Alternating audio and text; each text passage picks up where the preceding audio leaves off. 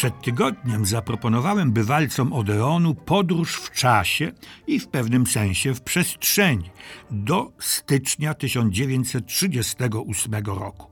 Oczywiście po to, żeby wybrać się wspólnie do kin, które właśnie wprowadziły na ekrany nowe, świeżutkie, chciałoby się powiedzieć jeszcze ciepłe filmy, zagraniczne i rodzime. Proszę mi pozwolić być przewodnikiem po ówczesnym repertuarze kin zeroekranowych, czyli premierowych w Warszawie. Ale w Krakowie, Lwowie, Wilnie, Poznaniu czy Katowicach sytuacja wyglądała podobnie. Braliśmy już pod uwagę typową amerykańską komedię kameralną z Leslie Howardem 24 godziny miłości. Zrezygnowaliśmy z banalnego korsarza, natomiast zastanawialiśmy się nad huraganem, bo zdjęcia cyklonu były, jak to się dzisiaj mówi, porażające, a para Dorothy Lamour i John Hall wielbiona była przez ówczesnych nastolatków. Załączone zdjęcie tej pary pozwala nam zrozumieć dlaczego. Buzie i ciała pociągające, choć nieco zbyt standardowe. Nie zapominajmy jednak, że to model hollywoodzki. Przed nami jednak film zupełnie innego kalibru. Jej pierwszy bal. Już Państwu o nim szczegółowo opowiadałem, więc tylko przypomnę, że to film francuski. Lata 30. to złote lata kina francuskiego, zrealizowane przez Julien Duviviera. Cieszył się ogromnym powodzeniem, ale było to też idealne dla szerokiej i wybredniejszej publiczności dzieło uniwersalne, artystyczno-kasowe. A słynny wals trist Joberta jeszcze i dziś wywołuje nostalgiczne drżenie. Czasopismo Srebrny Ekran, którego propozycję dziś cytuję, zachęcało również do obejrzenia Kida Galahada, mocny film ukazujący kulisy zawodowego boksu w Ameryce z jego wszystkimi machlojkami i kantami. Konkluzja: zobacz to. Film polski Kościuszko pod Racławicami nie przypadł redakcji do gustu. Wprawdzie sceny batalistyczne wypadły zupełnie dobrze, no powiedziałbym, że znakomicie. Reżyseria Józefa Lejtesa jest sprawna, a charakteryzacja aktorów i zdjęcia są ładne. Akcja niestety ciężka i nużąca. Bohaterką kolejnego filmu jest mistrzyni świata, wprawdzie ex, w jeździe na łyżwach. Królowa lodowisk, jak ją nazywano, Sonia Henning. Czytamy. Pomysłowy scenariusz daje tej fenomenalnej łyżwiarce wdzięczne pole do popisu. Całość przyjemna i warta zobaczenia. O dramacie niemieckim przy drzwiach zamkniętych wyrażano się niezbyt pozytywnie. Przeciętne.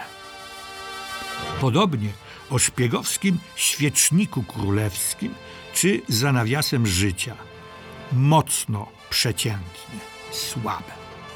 Za to francuski film Romans Schulera uznano za wysoce oryginalny, dzięki, cytuję, wybitnej indywidualności twórcy, reżysera i aktora w jednej osobie, francuskiego dramaturga Sache Guitry. Zobacz to koniecznie. Opinię o drugim polskim filmie przytaczam w całości, bo naprawdę warto. Robert i Bertram. Milutka i wdzięczna Helena Grosówna oraz dwaj rutynowani aktorzy polskiego filmu Adolf Dymsza i Eugeniusz Bodo w wesołej komedii muzycznej. Sporo dobrych pomysłów i zabawnych sytuacji. I uwaga teraz, film ten wyróżnia się spośród jałowej pustki i głupoty, ziejących przeważnie z naszych krajowych fars i komedii. No, można śmiało obejrzeć. Chciałbym taką recenzję przeczytać dzisiaj.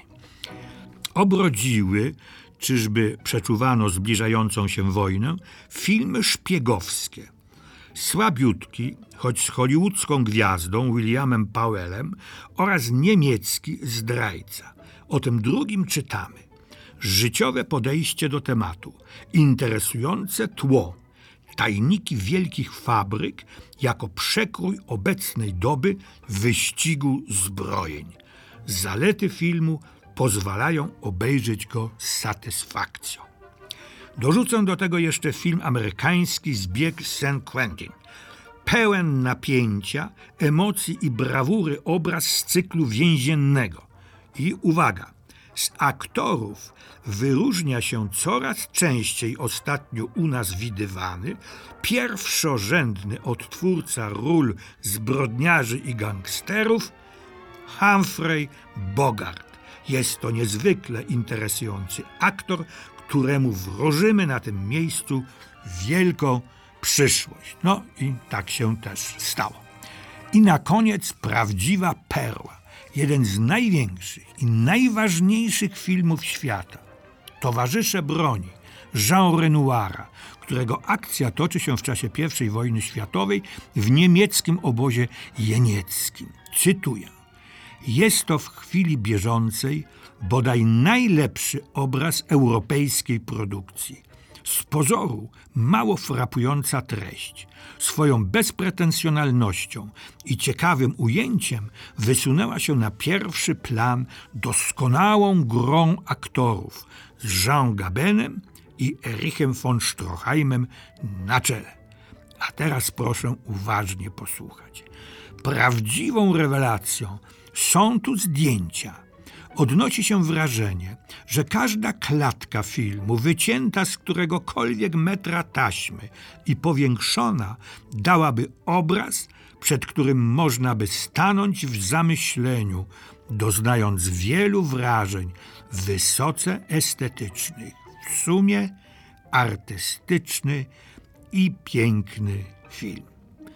Dla uzupełnienia w styczniu 1938 roku weszło jeszcze pięć nowych filmów na polskie ekrany. A teraz proszę dla czystej zabawy porównać tamten repertuar z aktualnym.